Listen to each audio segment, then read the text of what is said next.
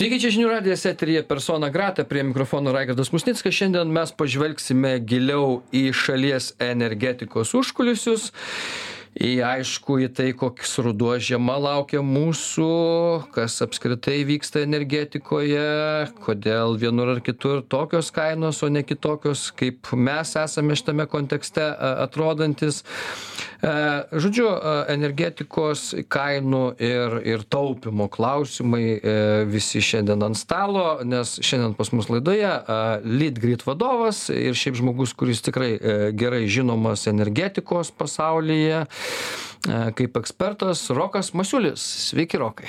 Labą dieną.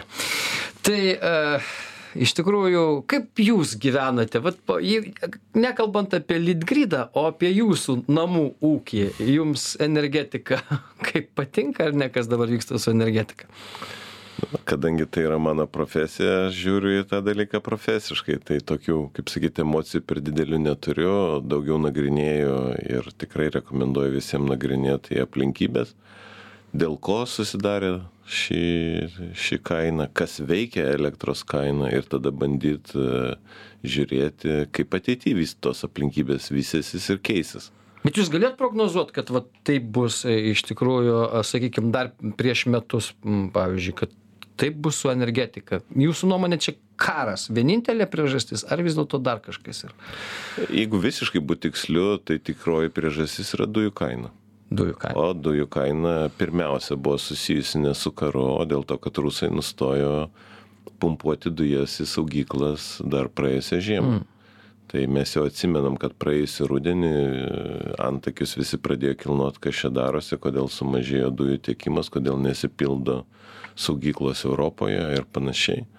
Ir tada prasidėjo tas kilimas ir galiausiai turim, ką turim, o kai prasidėjo karas, aišku, ir panika prisidėjo, dujų dar mažiau rusai pradėjo pumpuoti į, į Europą. Ir dujų kainai sukilus į aukštumas, tai tiesiogiai veikia elektros kaina. Nes elektros kaina nustato brangiausias gamybos šaltinis. Tai jeigu anksčiau brangiausias gamybos šaltinis buvo atsinaujinanti energetika tai galėjo nustatyt jinai kainas. Dujos buvo pigios anglis buvo dar pigesnė anglį jau visi sakė mes jos atsisakysim pilnai nes nešvarus kuras. Dujos yra pereinamas kuras švaresnis negu anglis tai tada brangiausi šaltiniai nustatydavo elektros kainą o dabar brangiausias šaltinis yra dujos. Tokia yra situacija. O kiek vat rusai man iš tikrųjų įdomu kiek rusai per e, vat imkim nu nežinau laikotarpį gal nuo tada kai atėjo putinas į valdžią nuo du tūkstantųjų metų apskritai manipuliavo vat galia kuri susijusi su dujų tiekimu. Nes jeigu taip žiūrėtume na europos šalys o dabar ką mes matom vokietija ar ne ten kitos šalys priklausomos kurios nuo dujų bet ir mes mūsų generacija nuo tada kai uždarėme atominę elektrinę pirmas blokas ketvirti metai antras blokas du tūkstančiai devinti metai ir mūsų gamyba elektros nukrito iki trisdešim procentų nuo septyniasdešim maždaug ir mes nu taip ramiai ai yra dujos rusiškos ir ar mes jausdavom kad gali būt problemų su jomis Jeigu grįžt e, atgal, e, kaip Lietuvos politika veikia, Lietuvai visada indikuodavo, kad e, su Rusija yra rizika.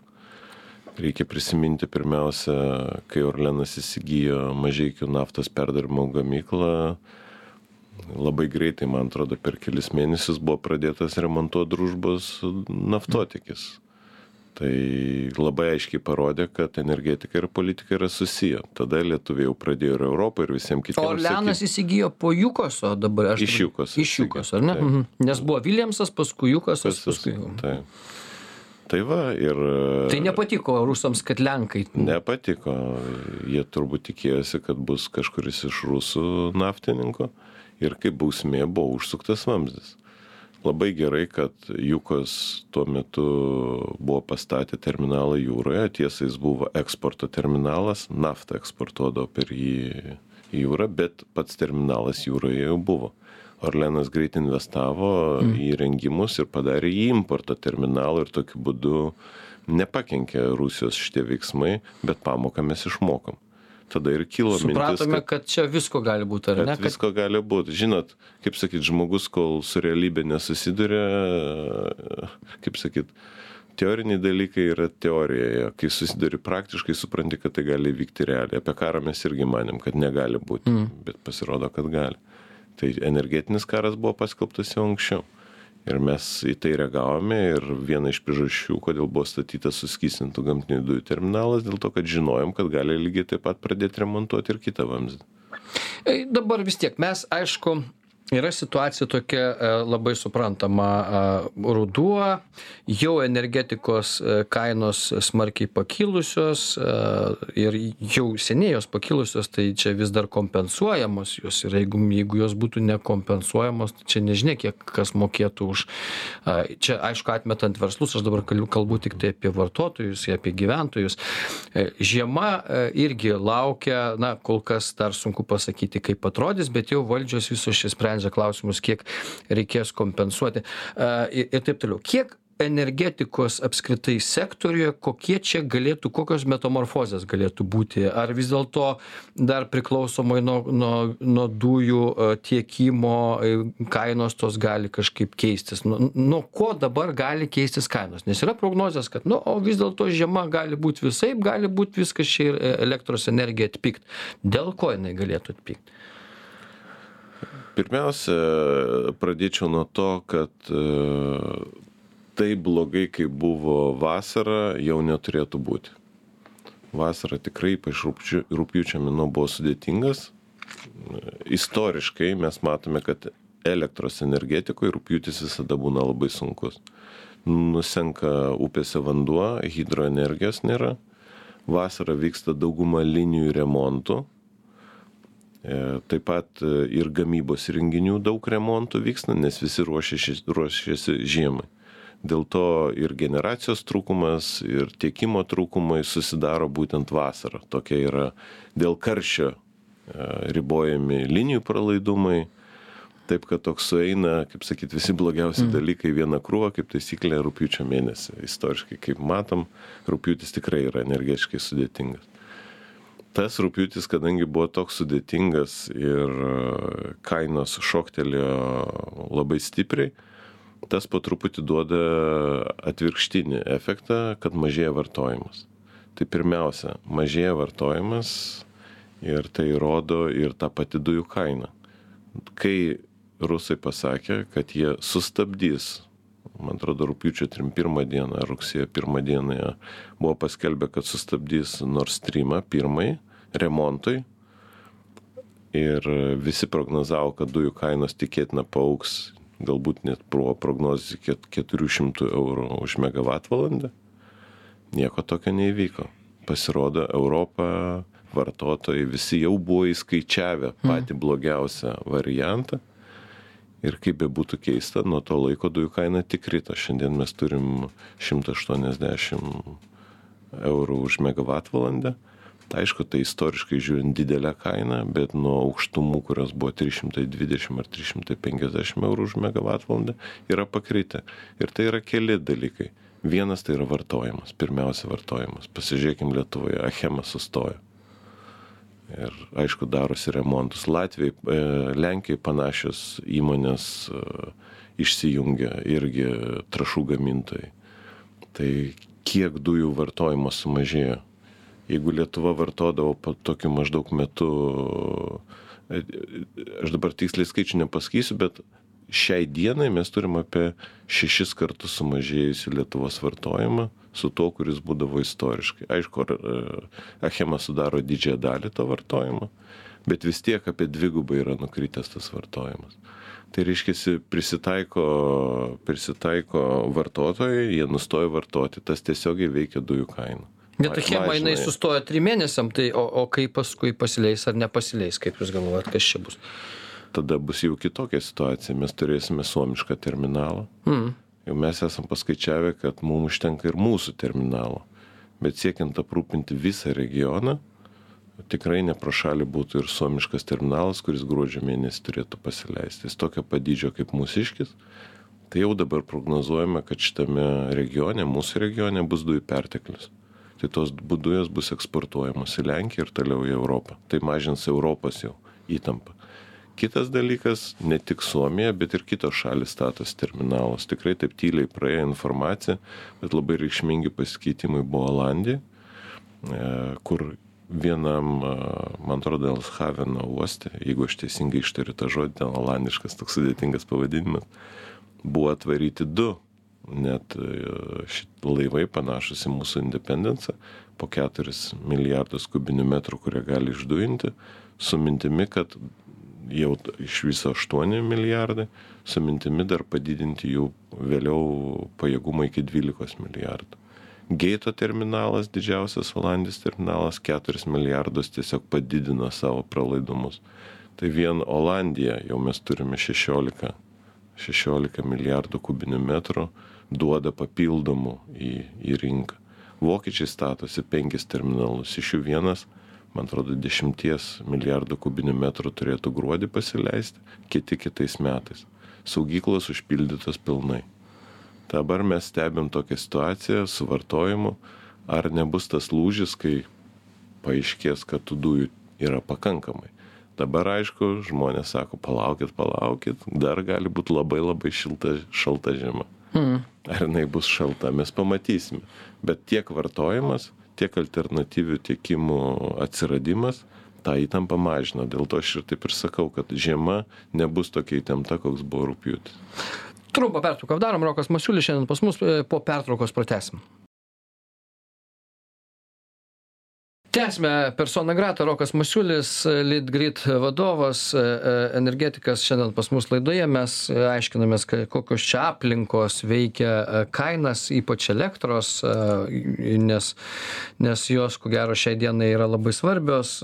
Aišku gi ir šildymo sezonas ant nosies yra ir ir ir čia ne vien tiktai elektra bus svarbi bet matyt ir kiti ištekliai kuriais kūrenamos yra miestų elektrinės. Bet dar prie jų mes kiek vėliau vėliau prie e, dar grįžtant prie e, suskystintų dujų sakote dabar visi čia statosi ypatingai mums svarbu buvo kaip vokiečiams sekasi tą daryti nes matėme kad vokiečiai važiuoja dabar jau čia šolcas buvo ir atrodo e, pas arabus dabar į katarą važiuoja tai ir a, ten išsiderėjo.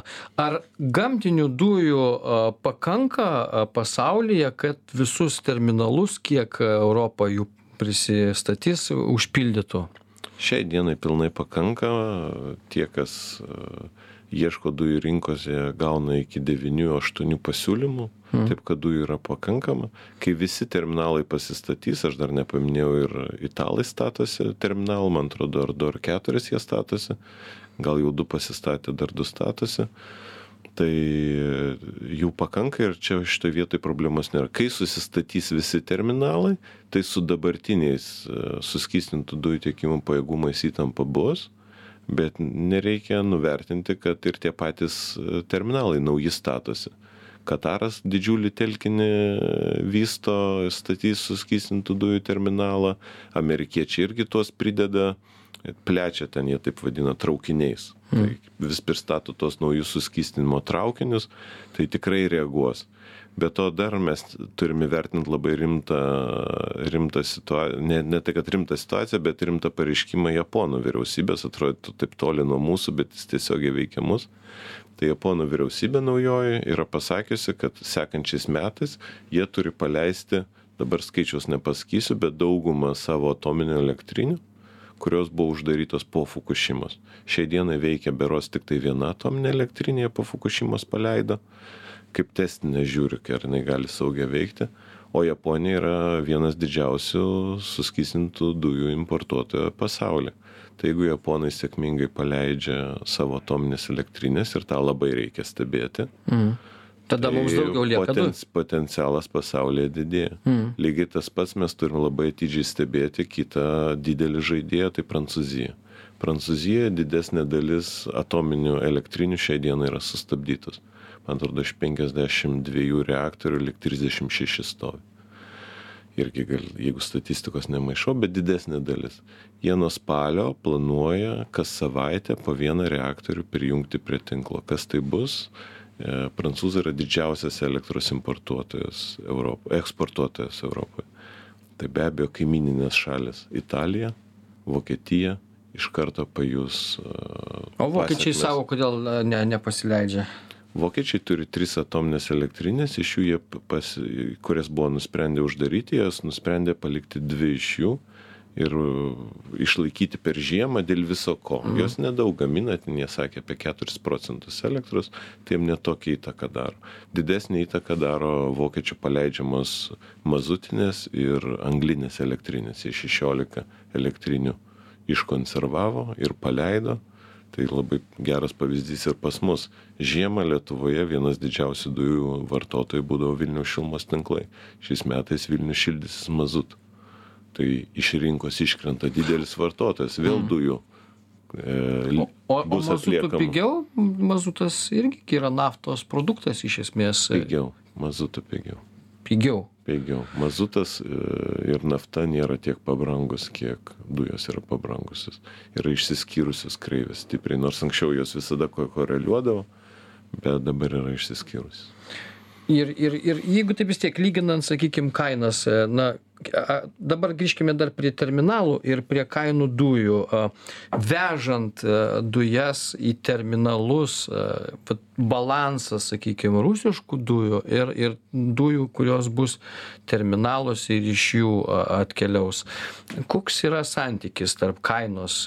Smarkiai skiriasi. Nu, visi sako, bus brang... dujos terminaluose yra brangesnės negu kad ir, sakykime, ten vamžiai atitekančios iš tos. Ne. Viskas, e, dujos yra parduodamos pagal indeksus. Tai ar tu perki, anksčiau pirkdavai iš ruso, ar tu perki e, suskysnintas dujas, perki pagal indeksą. Tai visas, visas dujas turėtų kainuoti vienodai. Nes jeigu būtų perkamas pagal tą patį indeksą, yra keli indeksai pasaulyje. Mm. Amerikiečių Henry Hubas, Europoje populiariausias TTF, Olandų, ir žiūrint kokį tu pasirenki tie patys rusai irgi savo kontraktus dėdavo indeksus. Tai nėra taip kad tu čia sugalvojai iš vamzdžio imsi ir gausi pigiau. Gauni rinkos kainą rinkos kaina yra viena. Tik orbanas gauna pigiau nu jo jeigu sudarai tiesioginį kontraktą su specialia kaina tai taip ar pavyzdžiui kiniečiai kai perka iš rusų bet jeigu tu perki rinkoje tai visada gausi už rinkos kainą gerai trumpą pertrauką padarom dabar. E, va čia kaip tik įdomūs klausimai mes e, toliau dar pereisim paskui prie kitų energetikos rūšių. Kol kas trumpa pertrauka po jos pratęsime tęsiame persona grata rokas masiulis litgrid vadovas energetikas šiandien pas mus laidoje.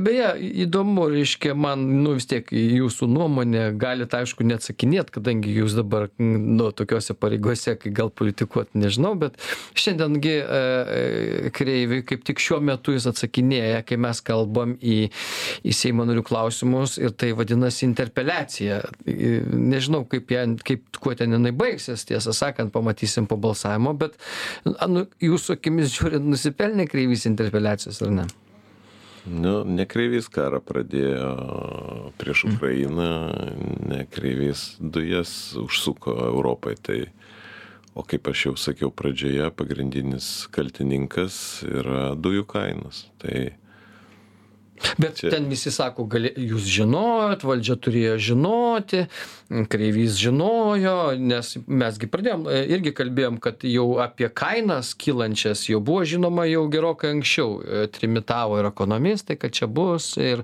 ir sakė, kad ir dujos čia jau kainuos po 2 eurus už kubą ir taip toliau, taip toliau. Daug dalykų ir maždaug nu, nieko nesijėmė valdžia daryti, kad tos kainas kažkaip kompensuotų. Kaltina visą laiką liet, lietumu plius čia dar visi atsijungimai nuo brel dvidešim penkti metai ir ir ir sinchronizacijos klausimai kurie galėtų greičiau vykti galbūt nors nelabai kas daug kas supranta kas apskritai ta sinchronizacija yra.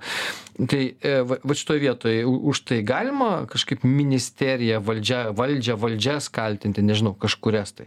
Na žinot pats paprasčiausias būdas dėl visų bėdų kaltinti valdžią ir pasižiūri į televizorių, kas kalba per televizorių, tas kaltas, nesvarbu mm. kokia tema yra. Dujų kainos, kai sumažės, elektros kainos sumažės ir situacija išsitaisys. Kai Europa išspręs savo senas bėdas ir beje šita bėda ne mūsų, pagrindė Vokietijos bėda, kad jie taip pasitikėjo Rusiją, kad tai yra patikimas dujų tiekėjas ir neišnaudos to politiškai, Nors Lietuva, Lenkija visą laiką mes šaukiame, kad žiūrėkit, saugokitės, investuokit, statykit savo terminalus, nes vieną dieną gausit tokį šoką, nuo kurio kentės visa Europa. Taip ir įvyko. Visa Europa, ką dabar pasakė komisijos pirmininkė, be reikalo neklausėm mūsų rytų kaimynų, kurie Putiną geriau pažįsta. Lietuva juk visą laiką šitą sakė. O vis dėlto, kokius žaidimus žaidžia Estai, pavyzdžiui? Ar, ar žaidžia kokius žaidimus, nes pas juos kaina yra, na, čia dar nesenai man energetikai siuntė grafikus įvairiausius ir atsiuntė apie tai, kiek kainuoja kilovatvalandė Estijoje ir kiek kainuoja pas mus, tai ten skirtumas yra tikrai didžiulis, kelis kartus Estai pigiau ir, ir, ir jų jų jų ne tiktai tai kad jie gali gaminti pigiau e, elektrą bet ir tai kad ten kažkokie santykiai na savi žaidimai e, verčia e, mus mums patiems turėti tokias dideles kainas už elektros energiją. Nu, Estam daugiau yra dėkinga situacija sutapimas, nes jie turi kaimyną Suomius, kurie turi daug pigios elektros suomijoj turi dar e, du kabelius į švedijos taip vadinamas pigiąsias zonas. Tai yra šiaurines e, zonas kur daug hidrovandens o hidroelektrinė hidroelektra kaip žinoma yra pati pigiausia. Tai suomiai tikrai yra geroj padėty. Maža to dar jie ir pasileido atominę elektrinę o ikilotas panašu jau sėkmingai pradeda veikti. Tai yra vieno kablelis šešių gigavatų gigantiška elektrinė ir jau šiandien ryte žiūrėjau vienas kablelis keturi gigavato galingumu jinai veikia tai kai rinkoj yra tokia didelė pasiūla elektros be abejo kaina yra maža o jie turi e, tris kabelius su su su estais į, su švedais, atsiprašau, su suomiais ir iš suomių tą elektrą gali pumpuoti. Maža to, jie yra išlaikę savo senąją gamybą skalūnų. Taip. Jie turi gamtos dovaną, turi tos skalūnus. Skalūnas tai yra ta pati anglis, tik tai tokios, kaip pavadinkim, prastos kokybės, labai neefektyvi, nes labai daug atliekų yra, nesudega jinai visa. Didesnė dalis net lieka tom atliekų. Jeigu kas buvot e, nuvažiavę į Narvą ar Kohlajarvę, tai aplink miestą tokias didžiulės gynybinės sienas, vos net 50 metrų aukščio pamatytumėt, tai yra tos liekanos sudeginus, tos mhm. skalūnus lieka tas liekanos. Jas išpila tiesiog už miesto tai jie turi tuos skalūnus ir nepaisant to kad už skalūnus jie moka dideles e, co2 tarš didelis co2 taršos mokestis vis tiek jiems apsimoka deginti tą skalūną dėl to kad dujų kaina tokia didelė. O jau pralaidumų tarp estijos ir latvijos nepakanka nes mes ir latviai esam deficite. Tai mes su malonumu siurbtume kiek tik įmanoma daugiau tos elektros bet pralaidumai užsikemša ir užsikemša pralaidumai tarp latvijos estijos jų nėra tiek daug, apie 1000 MW mes šiai dienai turim. Tai čia nuo ko priklauso tas pralaidumas? Nuo laidų, nuo laidų skaičiaus. Reikia tiesiog daugiau tų linijų nutiesti. Niekada anksčiau nebuvo to trūkumo, taip nebuvo, kad mes iš šiaurės tiek daug surptume tos mm. elektros. Tai aišku, Latvijos estais ir neprisistatė tų linijų. Tai vad, tiesiog nesugeba linijos perduoti tos pigios elektros, nes tų linijų yra per mažai o tai ką nu lenkai irgi panašioj padėty yra jie kūrena anglį jie irgi kažkaip pasigamina pigesnę elektros energiją ar ne? O mes turim su jais jungti e, irgi su lenkais e, kodėl čia ne ne nesigauna iš jų paimti tos elektros? Lenkijos padėtis europos energetikoj yra sakykim išskirtinė ir ir komplikuota ir išskirtinė. Jie labai daug gamina iš anglies ir jie turi pereiti prie visokios kitokios gamybos. Dėl to lenkai yra išsiderėję ir europos komisija yra davus lenkijai jau senai tokią išimtį kad lenkai savo rinką gali užsidaryti. Dėl to jie ją užsidaro ir neeksportuoja savo elektros į kitas šalis. Tai mes iš lenkijos paimti tos pigesnės elektros negalim ką mes išsiderėjom iš komisijos ir kitos šalys kad per lenkiją gali pratekėt kitų valstybių elektra. Pavyzdžiui jeigu vokietijoj elektra būtų pigesnė negu pas mus kai yra pigesnė mes tada siurbiam iš vokietijos. Problema yra ta kad kai pas mus pigesnė vokiečiai siurbia. O žiūrint europinės elektros kainas pietinė europa vakarinė yra dar aukštesnėj kainų zonoj negu lietuva. Tai dažnai taip yra kad iš mūsų jie ir siurbia ir dėl to kad vokietija ir slovakija tą elektrą siurbia iš mūsų tai dar labiau užkelia kainas ir pas mus negali ne ne ne ne taip smarkiai duot siurbt Tai mes tikrai darom viską, ką galim ir dabar irgi su komisija kalbam, kad maksimaliai kiek įmanoma tą priboti. Mm. Bet tam yra kaip europinė taisyklė, standartai. Kiekviena valstybė irgi galėtų tiesiog imti ir uždaryti sienas, bet tada nukentėtų. Tarkim, vat geras buvo pavyzdys ir mes vieną kartą remontavom mūsų liniją Litpolinką ir daug kas sakė, o žiūrėkit, dabar negalės sirpti Slovakai ir negalės sirpti Vokiečiai ir kaina bus Lietuvoje mažesnė. O remonto metu paaiškėjo kad netikėtai turėjo išsijungti švedų keli atominiai reaktoriai. Švedijai stipriai sukilo kaina ir mum kaip tik būtų buvę naudinga turėti tą liniją mes galėtume iš vokietijos pasiurbti pigesnės elektros. Tai čia yra žaidimas į abidvi puses mhm. nėra taip kad į vieną pusę yra žaidimas.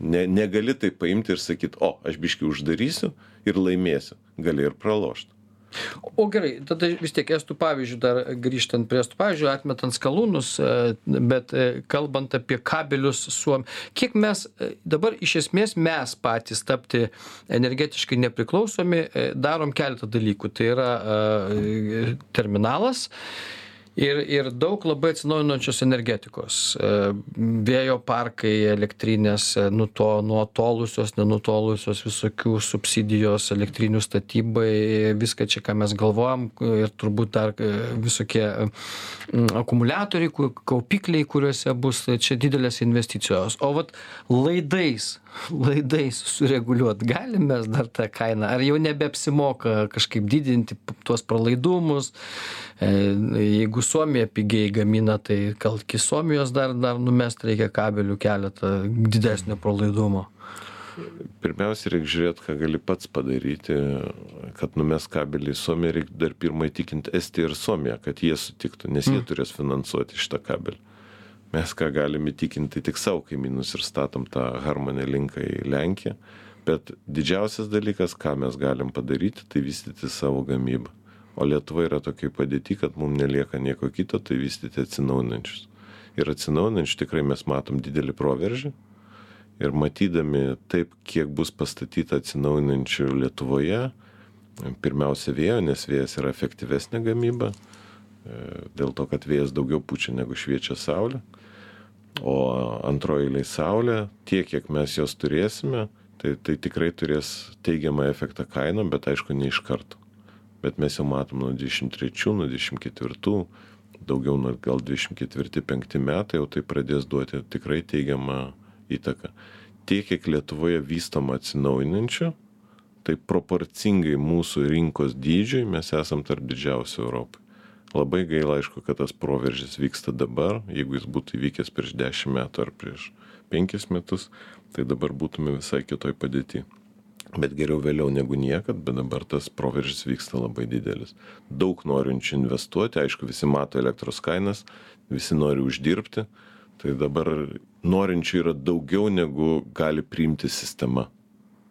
Mes turim tokią situaciją o jeigu sakėme kad dujos pavyzdžiui atpigtų atpigs vienaip ar kitaip kai visi čia E, e, susistatys terminalus ir, ir šiaip užkurti mūsų dar kokias nors elektrinės, kurios e, galėtų, kurios kūrenamos dujomis, turbūt elektrėnai, dar kas ten yra, ar apsimoka, ar vis dėlto jau, jau nebe. Viskas priklausys nuo dujų kainos.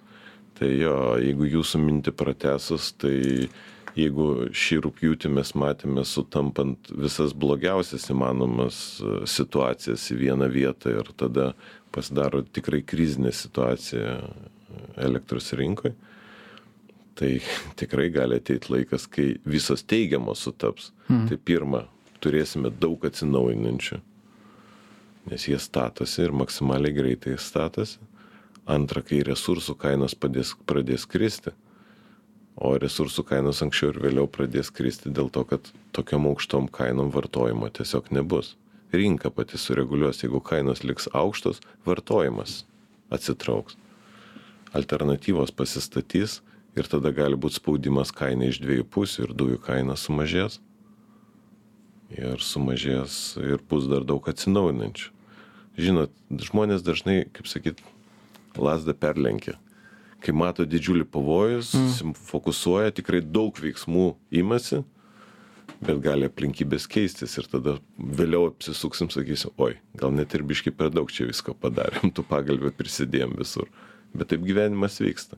Pažiūrėkim prieš kovidą kai naftos kaina nukrito iki dvidešim eurų už barelį visi sakė nafta niekam nereikalinga. Apie anglį išvis šaipėsi visi. Uždarykit visas šachtas viską. Nieko anglis nekainavo o dabar kas Gyvenimas toks, kad viskas banguoja. Gerai, trumpą pertrauką padarom, po pertraukos pratesim.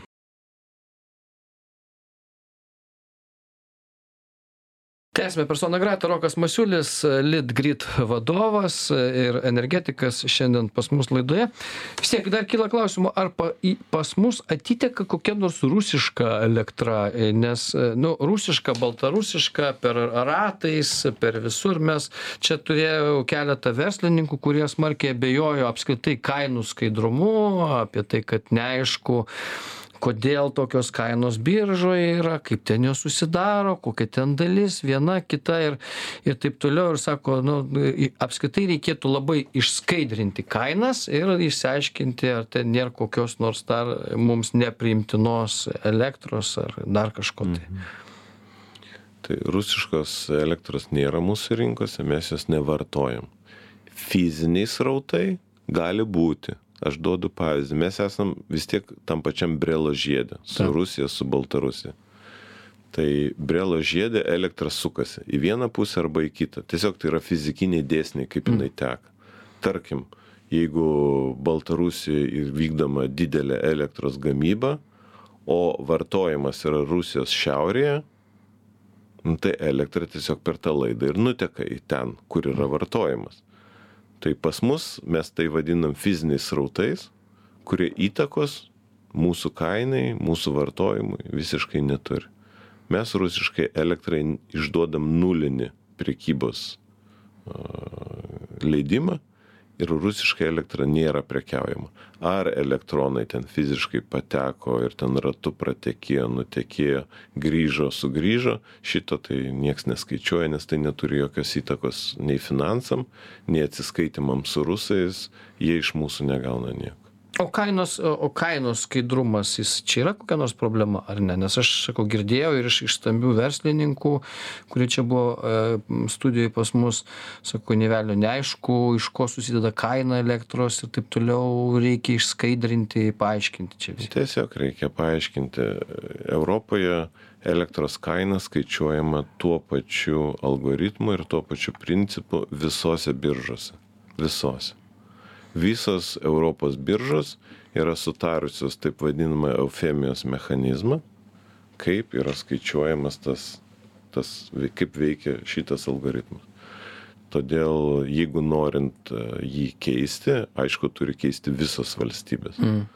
tai daug kas sakė vat nord pulo šitas e, algoritmas negeras pasirenkam pavyzdžiui ten lenkų algoritmą ir lenkai ir nordpulas ir vokiečiai ir italai ir prancūzai absoliučiai visi veikia tuo pačiu algoritmu. Ir tas tos kainos europoje skaičiuojamos vienu metu visur pagal tą patį algoritmą. Taip mes priekaištų tam algoritmui turim ir manom kad tam algoritmui reikėtų pakeitimų ir tuos pakeitimus siūlėm bet kelias čia nėra toks paprastas čia nėra kad per sekundę visos europos šalys ima ir sutaria. Pavyzdžiui mūsų spaudimas buvo didelis daromas kad ta maksimali kaina kai nesusikerta pasiūlos paklausos kreivės kad jinai nebūtų keliama. Dabartinė ta kaina yra keturi tūkstančiai ir mes tą matėm septynioliktą rugpjūčio kai pas mus vieną valandą nesusikirto kreivės tai pagal anksčiau sutartą visų europos sąjungos šalių mechanizmą vieną kartą įvykus šitam keturių tūkstančių eurų kainai jau kaina turi būt keliama į aukštesnį lygį penkis tūkstančius. Tai mes protestavom taip pat e, protestavo ir skandinavai visi protestavo ir galiausiai visi sutarė okei nekeliam.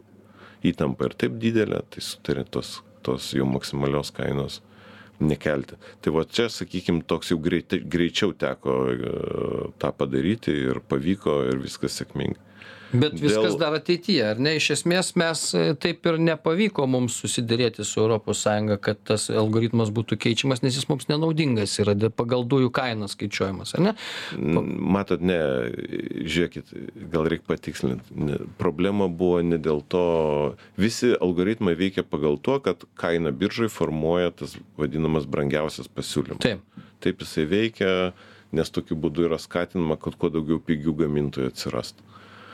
E, bet mes turėjom e, priekaištų, kad, pavyzdžiui, Ignyčio pasiūlymai nebuvo priimti, nors jie buvo mažesni negu rinkos kaina, todėl mes sakom, reikėtų tą mechanizmą patobulinti, kad jis protingiau žiūrėtų į visus pateikiamus pasiūlymus mm. ir kaip nors rastų tą Vidurkį. būdą, kaip juos absorbuoti ir priimti. Mm nes atsakymas buvo kad e, pasiūlymas buvo per didelis tiek daug megavatų kiek pasiūlė ignitis negalėjo priimt sistema. Dėl to jis tiesiog buvo atmestas kaip paradoksalus pasiūlymas nors kaina ir buvo mažesnė už rinkos. Tai mes sakom žiūrėkit gal kaip nors ten galima suskaldyti sudėlioti bet tą vat pigesnį pasiūlymą priimti nes tai yra didesnė nauda visai rinkai.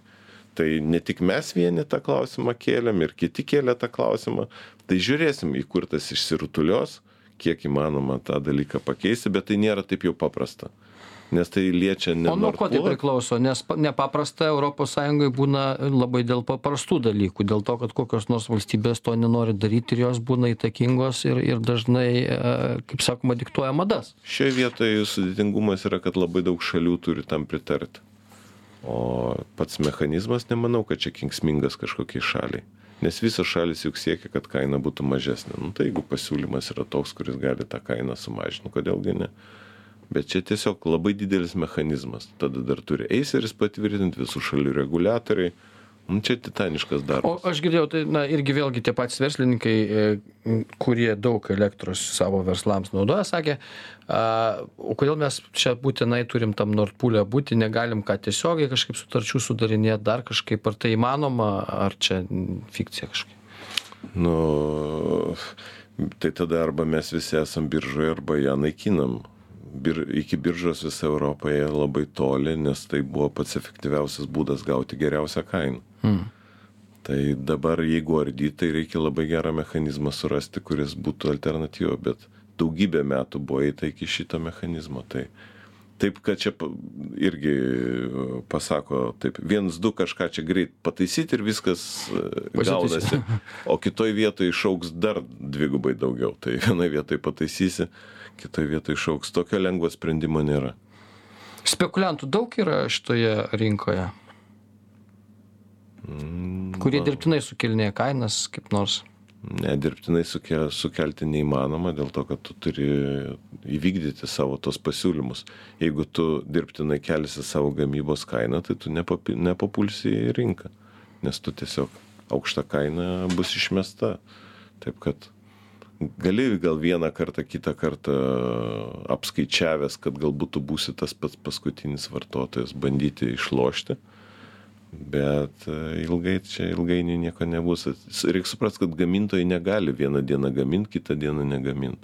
Čia tik tam tikros rūšys tai dažniausiai jie pasirenka savo vieną gamybos būdą ir e, tokiu būdu duoda pasiūlymus jau ilgam laikui kad galėtų gaminti. Pavyzdžiui elektrėnai negali vieną valandą gamint kitą išsijungt. Jų savikaina tiesiog per hmm. didelė. Jie turi gamint visą dieną tai gerai vis tiek mes jau čia priartėjom prie pabaigos. Nėra taip vat iš šitos laidos aš ne nesusidarau įspūdžio kad viskas taip tragiškai ir kažkaip labai čia blogai kaip dažnai matoma. Yra daugiau optimizmo vis dėlto yra. Jūs vat kaip kaip energetikas žiūrite? Na žiūrint sakykim netgi nebūtinai iš viso šalies ūkio bet iš savo ūkio vat perspektyvos kaip bus arba iš žmonių pozicijos nu matot kai mes e, buvom tokioj prastoj situacijoj rugpjūtį tai iš tos duobės jau viskas yra tiktai į šviesą tai tikrai buvo unikali ir sudėtinga situacija. Aišku gyvenime visko gali būt nie niekas čia nenuspės kad kažko dar čia ypatingo gali neatsitikti bet logiškai mąstant ir matant ką daro visos šalys į ką jos investuoja kaip mažėja vartojimas tai viskas rodo į tai kad optimizmo yra perspektyvų ką rusai darys su savo dujom? Kur dės? Rusam bus blogai. Dėl to kad dujos arba kaip mes matom nieks nežino tiksliai ką jie daro su tom dujom. Yra keli variantai. Vienas tu sudegini jas tiesiog išmeti. Tai čia pats blogiausias. Ir gamtai yra pats blogiausias ir ekonomiškai pats blogiausias. Ką dar galima daryt tai tas dujas atgal sustumti į tuos pačius įpurkšti kaip angliškai reinjecting yra toks terminas kai tu išimi dujas nes dujos tiesiog pagal savo spaudimą jos vidinis tas spaudimas juos varo į lauką ir jas jom išėjus į lauką jos tada apsukamos atgal ir įgre į įpurškiamos į tą patį gręžinį tam kad jos tiesiog neprapultų. Azerbaidžanas taip darydavo kai nu nukrisdavo vartojimas o jie dujas išgaudavo iš savo telkinių bet tai daug kainuoja elektros sąnaudos yra labai didelės tai tiesą sakant aš nežinau ką rusai darys Ei, palinkėkime jiems ir toliau nežinot. ačiū, ačiū Jums. Rokas Masiulis, Lietgrit vadovas, e, energetikas šiandien buvo mūsų laidoje. Dėkui, kad atvykote ir iki kitų kartų. Ačiū iki.